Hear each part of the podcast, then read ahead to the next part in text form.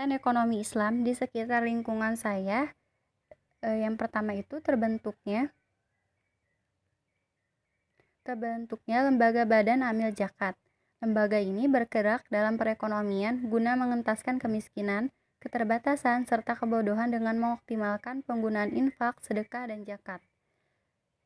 Yang, ke yang kemudian adanya tersedia asuransi syariah perantara untuk orang saling pikul-memikul untuk meringankan beban orang lain yang terkena musibah dengan cara mengeluarkan sumbangan.